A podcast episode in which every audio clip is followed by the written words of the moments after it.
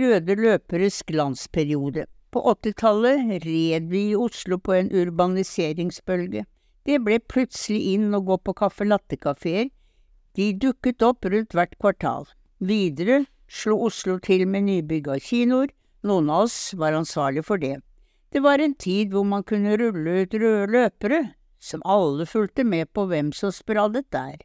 Det var en synlig kulturelite og ellers kjentfolk, jeg liker ikke kjendisordet, fra politikk, næringsliv, forskning og kirke. Vi var plutselig et folk hvor mange kjente mange, og var her hjemme for det meste. Til tross for nei til EU, så ble uteliv og kulturliv veldig europeisk. Særlig var det stas med fransk film. Noen av oss var ansvarlig for det også. Men sannelig ble det også gjensyn med god engelsk film, spansk, italiensk, russisk, tysk, alt var plutselig filmkunst igjen, og kinokultur ble status.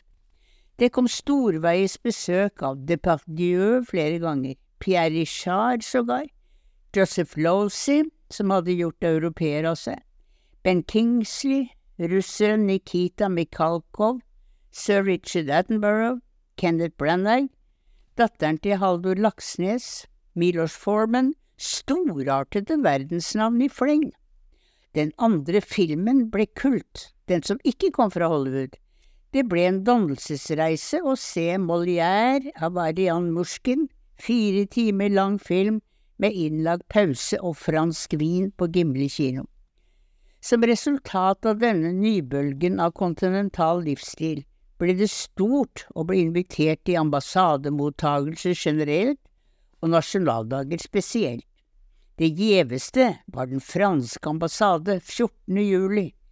Ingen fra kulturlivet eller den offentlige kjentfolkeeliten turde reise på ferie før 15. juli. Man måtte synes og klinke vinglass og sikre sin urbane status. I den vakre villaen på Drammensveien flokket vi oss sammen ut i haven etter høfligst skrevet oss inn i gjesteboken og håndhils på ambassadør med frue. Der i hagen møtte vi hverandre på faste plasser år etter år. Vi nikket og hilste og konverserte på norsk, og fikk bekreftet at vi var der hvor alle var. Noen av oss hadde franske ordener, de skred i knappehullet. Det var jo sommerantrekk hvor kvinner hadde sin dressjakke, nettopp av den grunn. Der var Arne Hestnes og Wenche Foss, sannelig selveste Per Obel, Brikt Jensen, Toralf Stoltenberg, Knut Wigert, Lars Roar Langslett, bare noen nevnt, andre ikke glemt. I samme glansperiode startet for alvor hagefesten i Aschehoughvilla. Den falt sted i sen august, hvor kultureliten var tilbake i Oslo.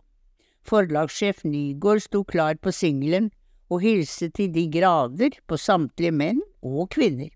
Ingen hagefest kom i nærheten av dette fenomenet, ingen sommerfest har kunnet måle seg med denne, verken før eller senere. I dag har alle tenketanker, forlag, mediehus sin junimarkering. Det er gått inflasjon i fenomenet. Pressen gidder da heller ikke å rapportere dette lenger. Aschehougkvelden ble dekket i Dagsrevyen, og bilder av de mest flatterende forfattere fikk prege ikke bare Se og Hør, men også de seriøse kulturavisene på følgende dager. Også Oslo Teater og Konserthuset hadde sine røde løpere hver gang det var stor premiere hvor kjentfolk kom i vakre klær. I Folketeater ble det aldri helt stas med operabegivenhetene, også av den prosaiske grunn trengte vi en ny opera. Av større bredde og sterkere farve ble det rullet ut røde løpere, skapt begivenheter, i Bergen ved årets festspill i ofte regntung mai. Alle visste hvilke store navn som spilte Grieg Samuel, alle fulgte kong Olav på løperen. Videre hadde man høstestillingen i Wergelandsveien og Kunstnernes hus, må vite. Det var bruduljer, om ikke på løperen så innendørs, hvor store navn hadde blitt mindre eller refusert, og hvor installasjoner ble stor kunst og malere hadde helt nye navn. Kjør debatt. Det var en tid hvor sjefer var sjefer. Nå er det så mange røde løpere, ustoppelig og derfor umerkelig. Store navn kan ha store bokstaver, men er det store personligheter?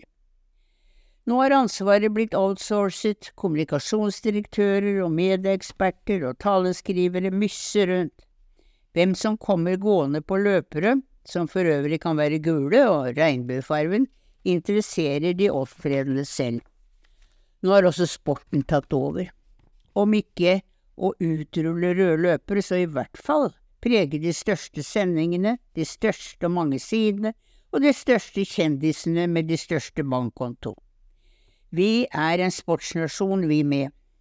Det er på tribunen vi tar bølgen og kjenner på varmen fra leirbålet. Det gjør godt, på sitt vis.